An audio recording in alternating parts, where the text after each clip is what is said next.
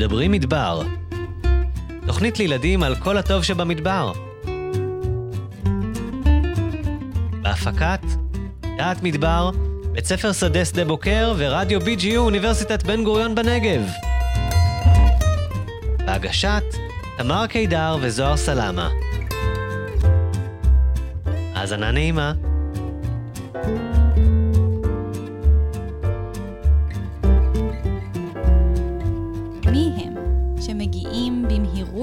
ובעוצמה? מי הם ששוטפים את הנחל כמעט בלי הכנה? את מי באים מכל הארץ לראות? היום בתוכניתנו מדברים מדבר, נכיר את השיטפונות. תמר, הבאתי לך הפתעה. יש! הפתעות, בסוף אני אוהבת. השבוע טיילתי ומצאתי אבנים יפות בשבילך. הנה, קחי, תראי. וואו, איזה כיף. תראי, גם יש להן צליל מיוחד כשמקשיבים בעצם. שים מהר. איזה צליל מדליק. הרעש הזה, הוא מזכיר, את יודעת את מה? את מה? את הרעש של הגל הראשון, כשמגיע שיטפון. מה זה שיטפון בעצם? הרי אני יודעת שהנחלים בדרום הם אה, נחלי אכזב. זה אומר שהם יבשים, שאין בהם מים כמו בנחלים בצפון. ושהקרקע במדבריות היא ברובה אדמת לס. נכון, את יודעת מה זה הלס הזה? תראי, הגרגירים ממש ממש ממש קטנים, וכשהם נרטבים, הם נדבקים אחד אל השני, ויוצרים בעצם מין שכבה עליונה כזאת ואטומה. עכשיו, כשיורד מעט גשם, או כשיש את הטל בבוקר, אז זה בסדר, זה נספג. אבל כשיורדות כמויות כל כך גדולות של גשם, באזור מסוים נגיד, אז הקרקע נאטמת, כי הגרגירים, ככה זה מה שאמרנו מקודם, והיא לא יכולה כבר לספוג את כמויות המים האלה, ואז המים מתחילים לזרום על פני השטח, וזורמים בכל מקום בעצם, וזהו השיטפון. Mm, הבנתי. אז בעצם, אם עכשיו אני עומדת לי בנחל ביום גשום, ואני פתאום מתחילה לשמוע מאחוריי ככה את הרעש הזה. את הרעש המדליק הזה, כן. אז אני יודעת שכנראה מגיע שיטפון, נכון? זה בעצם הרעש של האבנים שהמים אוספים אותם בדרך. מהמם. טוב, זוהר, עזבי את האבנים, ובואי איתי רגע החוצה.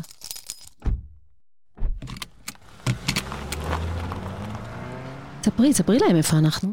בואי נספר לכל המאזינים שלנו, שאנחנו ממש עכשיו בדרך נוסעות לנו בכביש 40 המתפתל, תכף מתחברות לכביש 90, שיוביל אותנו עד לקיבוץ יוטבתה שבערבה, ושם אנחנו נפגוש שני ילדים חמודים, שני אחים, אה, שיספרו לנו על החיים שלהם.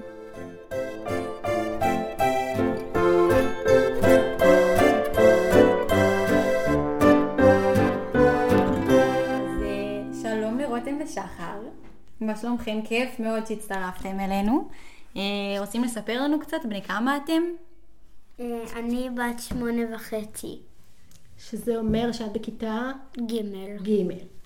ורותם אני בן שש יותר וחצי עוד מעט שבע. וואי. אז אתה בכיתה א' בעצם, בכיתה א'. כן. ואתם גרים בקיבוץ יוטבתה, נכון? שזה קיבוץ בערבה. נכון. אז uh, תספרו לנו קצת על איך זה לחיות ולגדול בקיבוץ. אה, זה ממש כיף. שבאים אלינו אורחים, נגיד שמבקרים בעיר, זה ממש מרגש, כי תמיד אה, הם לא רגילים ללכת יחפים, וממש תמיד קפוא להם. צריכים... ואת הולכת אה, יחפה? כן. גם אני. כן. מובן מאליו שהולכים. אתה, זה ברור לך שאתה הולך יחף. אתם יודעים, הנושא היום של התוכנית שלנו זה שיטפונות. אז באמת בעונה הזאת ש... שיש יותר גשמים, אז גם נוצרים שיטפונות. יצא לכם פעם לראות שיטפון, או לראות ככה מים במדבר? אה, מתישהו אני הלכתי עם חברה שלי לגב, והוא היה ממש קר, כי זה היה אחרי גשם ממש חזק וקר. ואז גורן, חברה שלי, פשוט אה, היא ככה קפאה מקור. מקור. זה באמת מים קפואים בגבים. כן. זה מים של הגשם, זה נורא קר, בטח. ורצינו גם לשאול אתכם קצת אם יש לכם תחביבים, ומה אתם אוהבים לעשות. יש לנו בקיבוץ חדר נינג'ה, וואו. שאנחנו תמיד הולכים אליו. רגע, ותגידו, אתם ככה גרים בקיבוץ, ויש, כמו שאמרתם, אתם הולכים יחפים, ויש לכם מרחב פתוח, אתם גם רוכבים על אופניים? מלא, יש לנו גם, הם, פאם טרק, שזה כביש כזה, כפי שהוא ככה, שאנחנו נוסעים. עליו. רוכבים על אופניים פשוט? כן. גם אתה רוכב על אופניים? בסלאם כזה. איזה עלייה מגניב. וירידה. מה, ממש פה באזור? כן. ביוטבתה? וואי. אז בעצם אתם אה, גרים ביוטבתה, ואני חושבת שהרבה ילדים ששומעים את התוכנית שלנו, מכירים בעיקר את קיבוץ יוטבתה מהשוקו, נכון? שוקו יוטבתה. אתם שותים כל בוקר שוקו יוטבתה. כן. איזה כיף לכם! לרוב אני שותה קורנפלקס עם שוקו במקום קורנפלקס עם חלב. איזה כיף. יואו, זה נראה לי בדיוק סיפרתי שווה. לתמר שזה מה שאני הייתי עושה כל פעם כילדה. אבל עם המוקה. נכון, עם שוקו מוקה. סיפרת לי מקודם, כשרק נפגשנו בהתחלה, שהיית במדרשת בן גוריון והיית בקיבוץ שדה בוקר. זה נראה לך שם דומה, המדבר שלנו שם והמדבר שלך פה בערבה. לא. הרגיש לך דומה? לא נראה לי, אני חושבת ששלנו קצת יותר פתוח. וגם, אה, את יודעת, באחת התוכניות דיברנו על חול. את זוכרת, זוהר? נכון. אז ואמרנו שבעצם אצלנו זה לא באמת חול במדרשת בן גוריון, אבל פה בערבה זה חול. המון חול. שמגיע מהרי אדום בעצם, נכון? אתם רואים פה ממש מולכם את הערים של ירדן. זה הנוף שקמים כל בוקר. אז אתם קמים לנוף המשגע הזה. רותם, תגיד, ואיך זה להיות תלמיד כיתה א', שרק התחיל את בית הספר? ממש ממש לא כיף. אז זה נראה לי משותף אבל לך וגם לכל הילדים עכשיו, גם בצפון וגם במרכז, ש... כן, איכשהו שזה לא מיוחד רק לילדי הערבה והמדבר. האמת שאני כמעט ולא הייתי בכיתה א' בבית ספר ביוטבתה, כי כשהייתי בכיתה א', המשפחה שלנו נסעה לחצי שנה לעיר, ולא התרגלתי לזה ממש. וואלה. אז את מעדיפה עדיין את המדבר ואת המרחב הפתוח. כן. ו... אה, בעצם התוכנית שלנו, סיפרנו לכם שמקשיבים לילדים מכל הארץ. אז אה, ככה לקראת סיום רצינו לשאול אתכם אם יש איזה מסר או משהו שהייתם רוצים להגיד לילדים האלה ששומעים אתכם עכשיו מהמרכז או מהצפון והגולן. אה, נראה לי שאני מציעה להם לבקר בקיבוצים ולראות שיטפונות. רותם, מה, מה אתה מזמין ככה את ילדי המרכז הארץ והצפון? אתה מזמין אותם לבוא לבקר? כן, ואני תמיד זוכה בשיטפונות, ואני אוהב לעלות על התקרה. אתה מטפס עד התקרה. כן. אוקיי, שמעתי שבאילת, או בכניסה לאילת, יש מין מקום כזה שנקרא טופ 94. זה קירות טיפוס שם או משהו כזה? כן. הייתם שם? ביקרתם? כן, יש גם כזה גלגל כזה שהוא כמו גליל ענקי, שיש שם כזה חגורות שעוטפות את הגוף, ואז מטפסים וזה כזה מסתובב, בצורות של עיגול גם, כמו גליל. אז נראה לי שזה מקום בשבילך, נכון רותם? שתגדל קצת... אה, לא, הוא היה בזה כבר. אה, לפחות אוקיי. חמש פעמים. ואני עולה על התקרה שם. אז אה, טוב, חמודים, היה כל כך כיף לדבר איתכם. אז תודה רבה. ביי. ביי.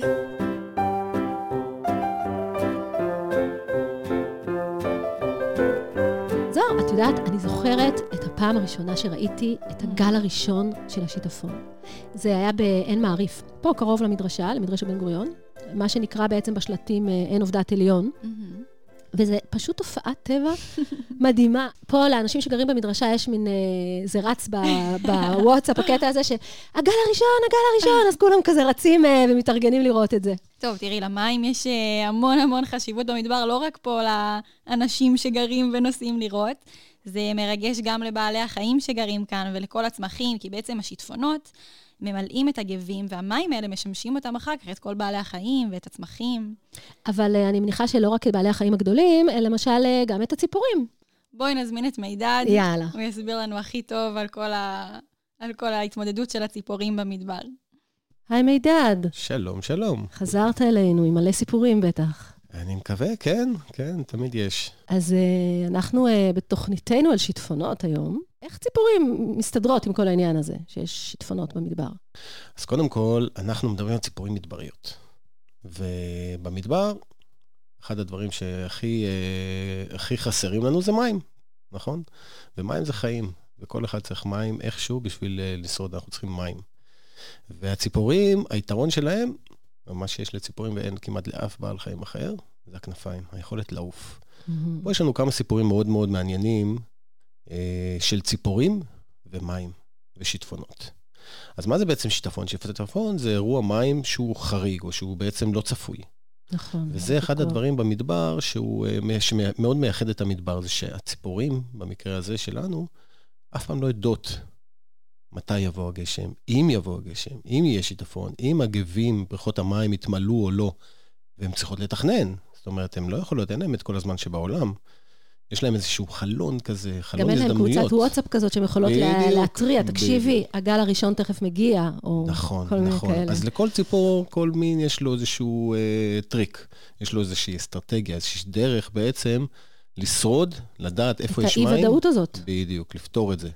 ויש לנו כמה סיפורים. אחת הציפורים שעושה את זה בדרך מאוד מיוחדת, נקראת דרורית קצרת אצבעות. דרורית זה מזכיר לך איזה ציפור? את הדרור. את הדרור, נכון, ובאמת אה, מזכירה קצת את היא הדרור. בדודה כזאת? כן, כן, קרובת אוקיי. משפחה, דרורית רחוקה כזו. קצרת אצבעות? דורית קצרת אצבעות. נכון. והציפורים האלה הן ציפורים לא כל כך נפוצות בישראל. אפשר למצוא אותן בחרמון, אפשר למצוא אותן בהר הנגב, קצת במזרח, ב- ב- באזורים הרריים. מהמם. והיא יודעת לעוף יפה, יש לה כנפיים ארוכות והיא יודעת לעוף טוב. ומה שהם עושים, בדרך כלל בעונה הזאת, אנחנו נמצאים עכשיו פחות או יותר קצת לפני פורים, ובעונה הזאת הלהקות מתחילות, אנחנו מתחילים לראות את הלהקות מסתובבות פה באזור. הן מסתובבות ובעצם בוחנות את השטח. הן יודעות לראות כמה גבים התמלאו, מה מצב הנביטה של הצמחים, ולדעת איך ייראה האביב. זאת אומרת, אה, ואם כדאי האם- להם להתנחל פה להקים את המשפחה? בדיוק, בדיוק. אז מה שקורה זה שברגע שהם מחליטים, וואלה, טוב לנו, אז הזכרים בדרך כלל מגיעים, משתלטים על טריטוריות, כל אחד קובע לו נחלה, מגן עליה, ואיך הוא מגן עליה? בצורה של שירה. איך הוא בעצם מכריז עליה, לא מגן עליה, הוא מכריז עליה בצורה של שירה. הם עומדים על השיחים, יש בערוצי הנחלים, תמיד יש שיחים כאלה נמוכים יחסית. איזה, איזה צבע יש לה, לדרורית יש לה? צבע חום בהיר, חום עפרפר בהיר. Mm, אז קשה לראות אותה, קשה היא גם לראות אה, אותה כמובן, מוסווית כן, אצלנו? כן, כמו הרבה מאוד מהציפורים האלה. חשבתי אבל שאני מה ש... איך. אנחנו מוצאים אותם? בעזרת השירה, כמו ציקדה. ככה זה נשמע.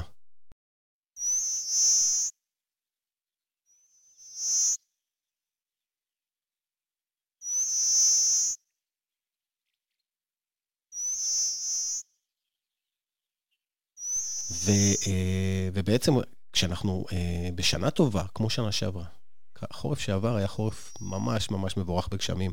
זאת אומרת, לא היה רק שיטפונות. שיטפונות, היו נכון, שיטפונות, לא היה לנו, לא שיטפונות. הרבה, אבל היה.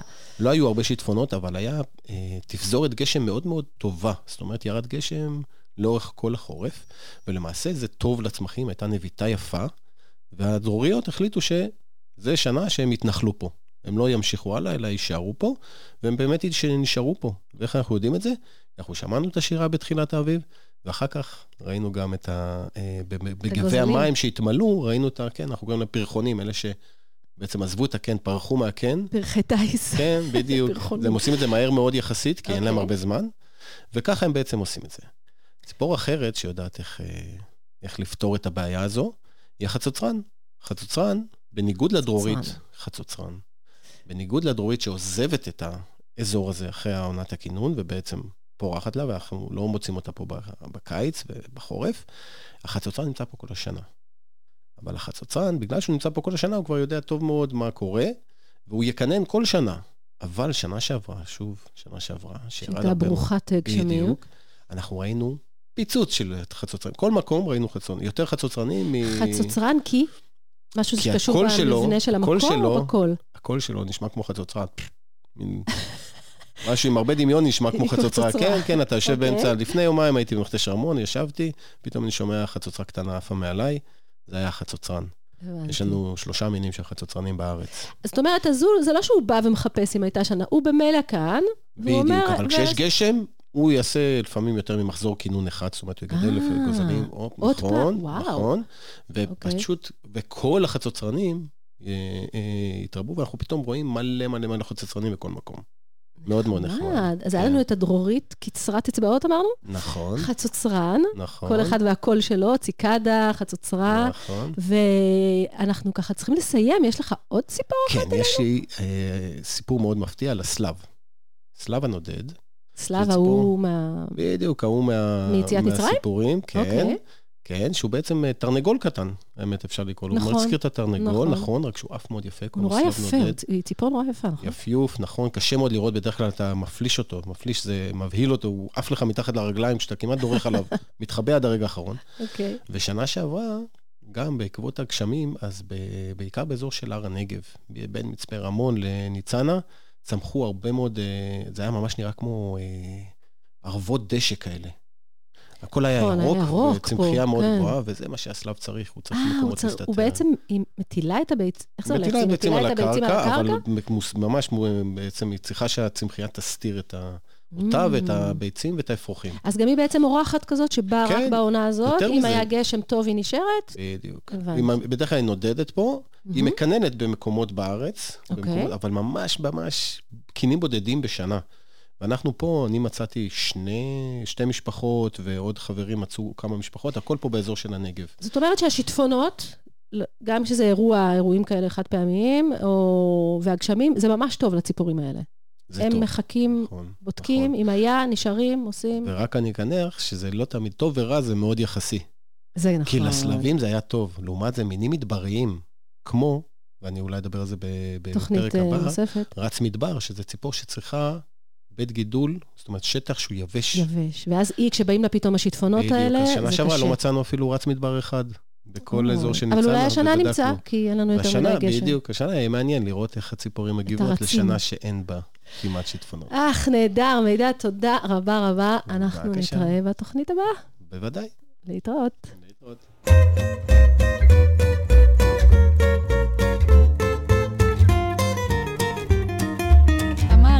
שיטפונות זו תופעה מרגשת וכיף לבוא ולראות, אבל עוצמת המים יכולה גם להיות מסוכנת. תחשבי שהיית צמח מדברי קטן, ופתאום כמויות כאלה אדירות של מים מגיעות בעוצמה כל כך חזקה, זה היה יכול לעקור אותך מהשורש. כן, נכון, אבל את יודעת, זוהר, שחלק מהצמחים מתאימים את עצמם ככה די טוב, והם יודעים אפילו להתכופף תחת הזרם, ואז הם מתאוששים ואפילו מצליחים ללבלב אחרי שעבר השיטפון. נכון, וגם בעלי החיים הגדולים, הם בורחים אה, מהאזורים שיש בהם שיטפונות בדרך כלל, ובעלי החיים הקטנים, כשהם שומעים שמתקרב שיטפון, הם נמלטים אל המצוקים שבשולי הנחל, או מסתתרים בסדקים או במחילות. וגם, אמנם הם, אה, כמו שאמרת עכשיו, הם באמת אה, יודעים להימלט, אבל יש גם את הצמחים מבעלי חיים שכן נפגעים לצערנו מהשיטפונות. וגם נכון. לנו, נכון? זה בעצם גם לנו יכול זה להיות מאוד מסוכן. מסוכן. לבני אדם זה, זה יכול להיות מאוד מסוכן אם רואים שיטפון, אה, ואתה נמצא באמצע הנחל, בגלל זה חשוב לצפות בו רק ממקום בטוח, אליו המים לא מגיעים.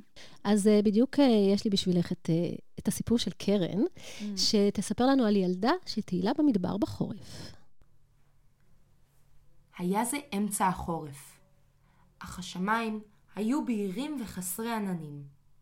מזג האוויר היה נעים, מתאים בדיוק ליציאה לטיול בדרום הארץ. נועם והוריה ארזו תיקים, נעלו נעליים ונסעו לטיול בנגב. את היום הזה ואת הטיול שעשו, נועם לא תשכח לעולם. היה זה היום הכי מפתיע ומרתק שהיא חוותה בחייה. לפני שאספר לכם מה קרה, בואו נכיר קצת את נועם. נועם גדלה ברמת גן.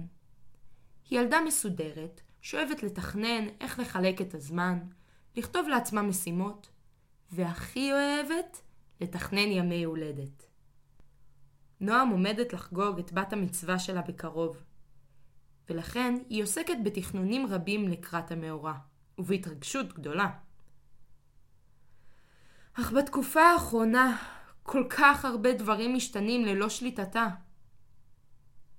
שבוע לפני האירוע התבררה תחזית מזג האוויר, ונודע לה שיהיה גשום, ולכן לא יוכלו לערוך את האירוע בגינה, כמתוכנן, אלא בתוך הבית. נועם התעצבה ונסגרה בחדרה. הוריה ניסו לעודד אותה, אך שום דבר לא עזר.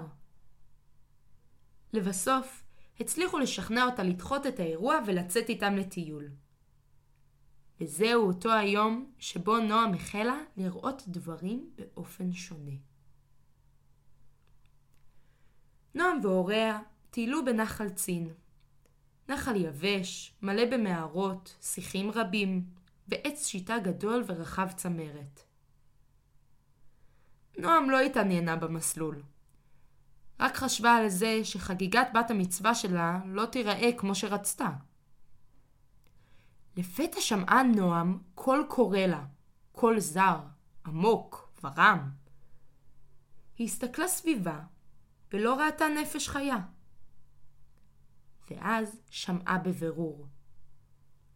נועם יקרה, זה ההר מדבר אלייך. פה, ממש לידך. נבהלה נועם, ולא הבינה אם היא מדמיינת, או שבאמת ההר מדבר אליה. למה את כה עצובה? שאל אותה ההר. איך ידעת שאני עצובה? שאלה נועם בתמיהה, לא בטוחה על מי היא מדברת. ראשך כפוף מטה ורגלייך נגררות, אמר ההר. נכון, אמרה נועם בקול שבור. כל מה שאני מתכננת ורגילה אליו, כל הזמן מתבטל ומשתנה. אי אפשר לסמוך אפילו על מה שיהיה מחר בבוקר. נמאס לי שזה המצב. ענה ההר. אכן, זה יכול להיות מאוד מתסכל כשלא יודעים מה יהיה. נכון, הוסיפה נועם. לך בטח הרבה יותר קל. אתה פשוט עומד במקומך, לא זז, שום דבר סביבך לא משתנה. מדבר תמיד יישאר מדבר, ואתה ההר תישאר אותו הר. ההר המהם לרגע ושתק. נועם המשיכה בדרכה וראתה את הוריה יושבים בצל שיטה, מחכים לה. בינתיים החלו לנשוב רוחות ועננים אפורים התאספו בשמיים. פתאום הרגישה נועם שכמה טיפות גשם נפלו על עורפה. נועם והוריה לא ידעו היכן להסתתר מהגשם המפתיע. ואז שמעה שוב נועם את ההר קורא לה. היזהרו! שיטפון מתקרב! וזה מסוכן מאוד. זרם מים עוצמתי מגיע במורד הנחל ישר למקום שבו אתם נמצאים.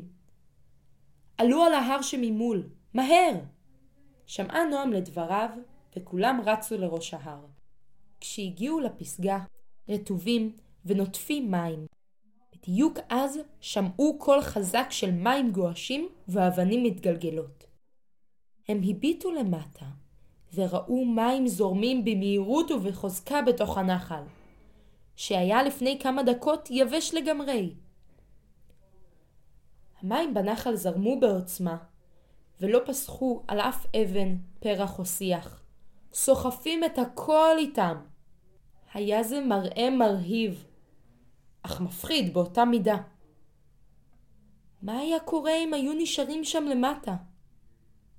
נועם ראתה איך המים שינו את הנוף, איך אבנים גדולות זזו ממקומן, איך הציפורים התעופפו מהאזור, ודמיינה כיצד בקרוב יפרחו פרחים על הגבעות מסביב. היא חשבה על מה שאמרה להר קודם לכן, וכמה שזה לא נכון. ההר וסביבתו משתנים, ובזמן כל כך לא צפוי ולא ידוע, וההר מקבל זאת בהבנה. כי הוא יודע שהוא לא יכול לשלוט על המועד בו ירדו הגשמים, על חוזקם של השיטפונות ועל החיים מסביבו. כוחות הטבע גדולים בהרבה מההר, כמו שהם גדולים יותר ממנה, מנועם. ולפעמים קורים דברים לא צפויים. אבל זה לא נורא. אפשר לשנות תוכניות אם צריך. נועם חייכה לעצמה והודתה בליבה להר, שהציל אותה מהשיטפון ושלימד אותה לקח חשוב לחיים. בדרך הביתה נועם אמרה להוריה, זה בסדר אם בת המצווה שלי לא תהיה בדיוק כמו שרציתי. וגם אם יהיה גשום ואפור בחוץ. העיקר שאהיה עם מי שאני אוהבת. תודה, קרן. איזה כיף לנו. אה, ניפגש בתוכנית הבאה.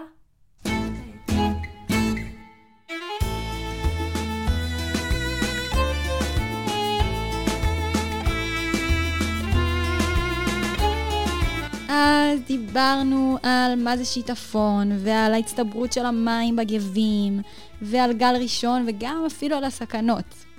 ואני רוצה לספר לך, זוהר, שבעצם המים האלה והשיטפונות הם מעצבי הנוף העיקריים במרחב הזה שלנו. עוצמת המים הזאת לאורך השנים, היא זאת שחרצה ופוררה את הסלעים, ובעצם יצרה את הנחלים הגדולים שאת מכירה וכל כך אוהבת לטייל, את המכתשים, ובעצם את רוב הנוף הזה שאנחנו רואים פה מסביבנו.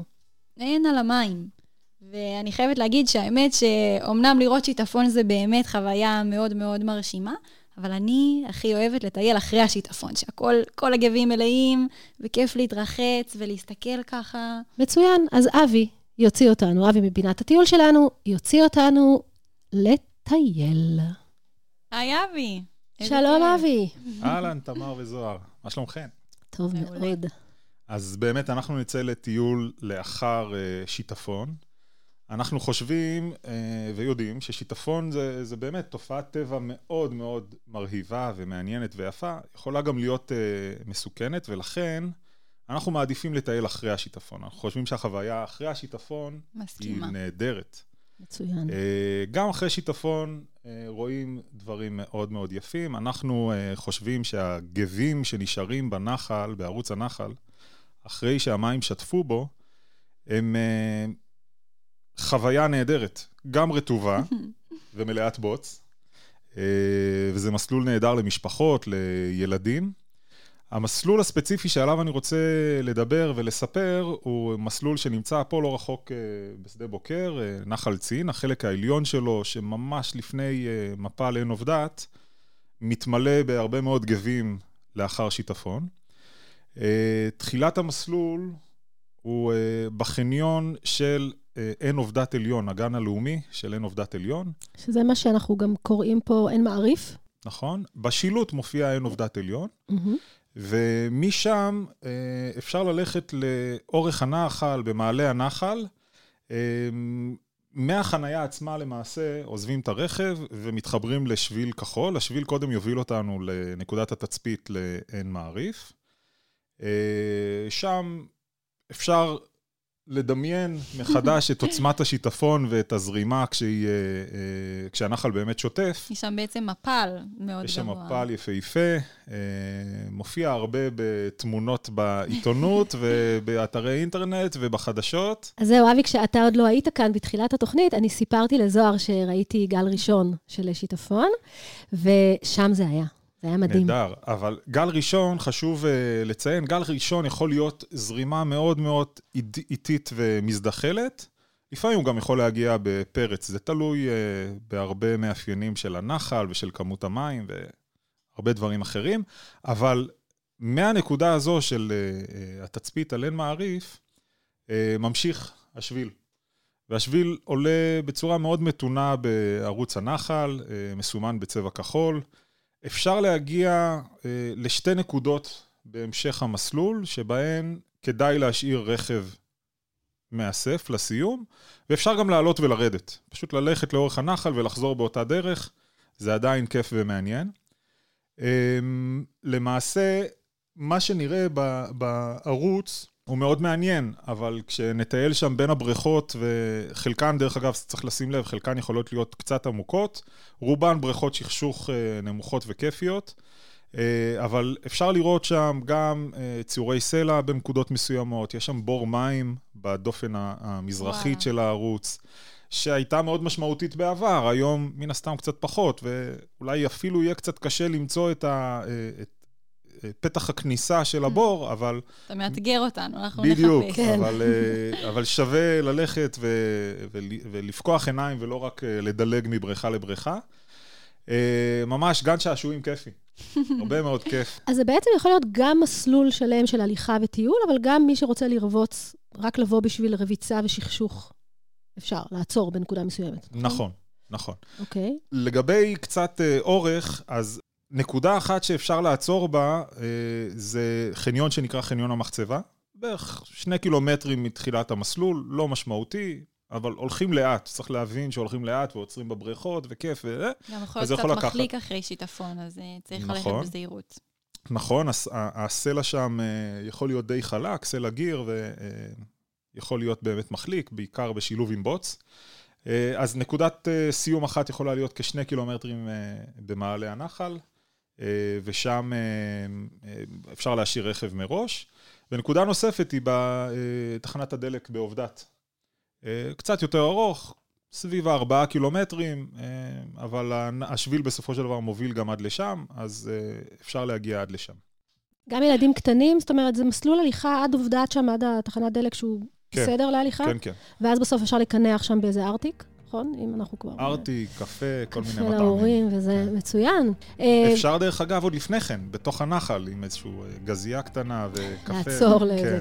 אז בעצם, זה- הכל השביל הכחול. זאת אומרת, הולכים, יש סימון, אין מה לדאוג, כל הדרך מסומנת. אה, מצוין, אז אה, זהו. הגענו אל סוף המסלול, אבי? בדיוק כמו שחיפשנו. כן, אם רוצים עוד אה, פרטים, אז תמיד אפשר אה, להיכנס לאתר של דעת מדבר, אפשר ליצור קשר עם אה, בית ספר שדה, מחלקת ההדרכה, נשמח לתת אה, מידע נוסף. מעולה. מקסים. אז אה, אבי, תודה רבה, כרגיל, על המסלול הנפלא. וזוהר, יאללה, אז אנחנו יוצאות?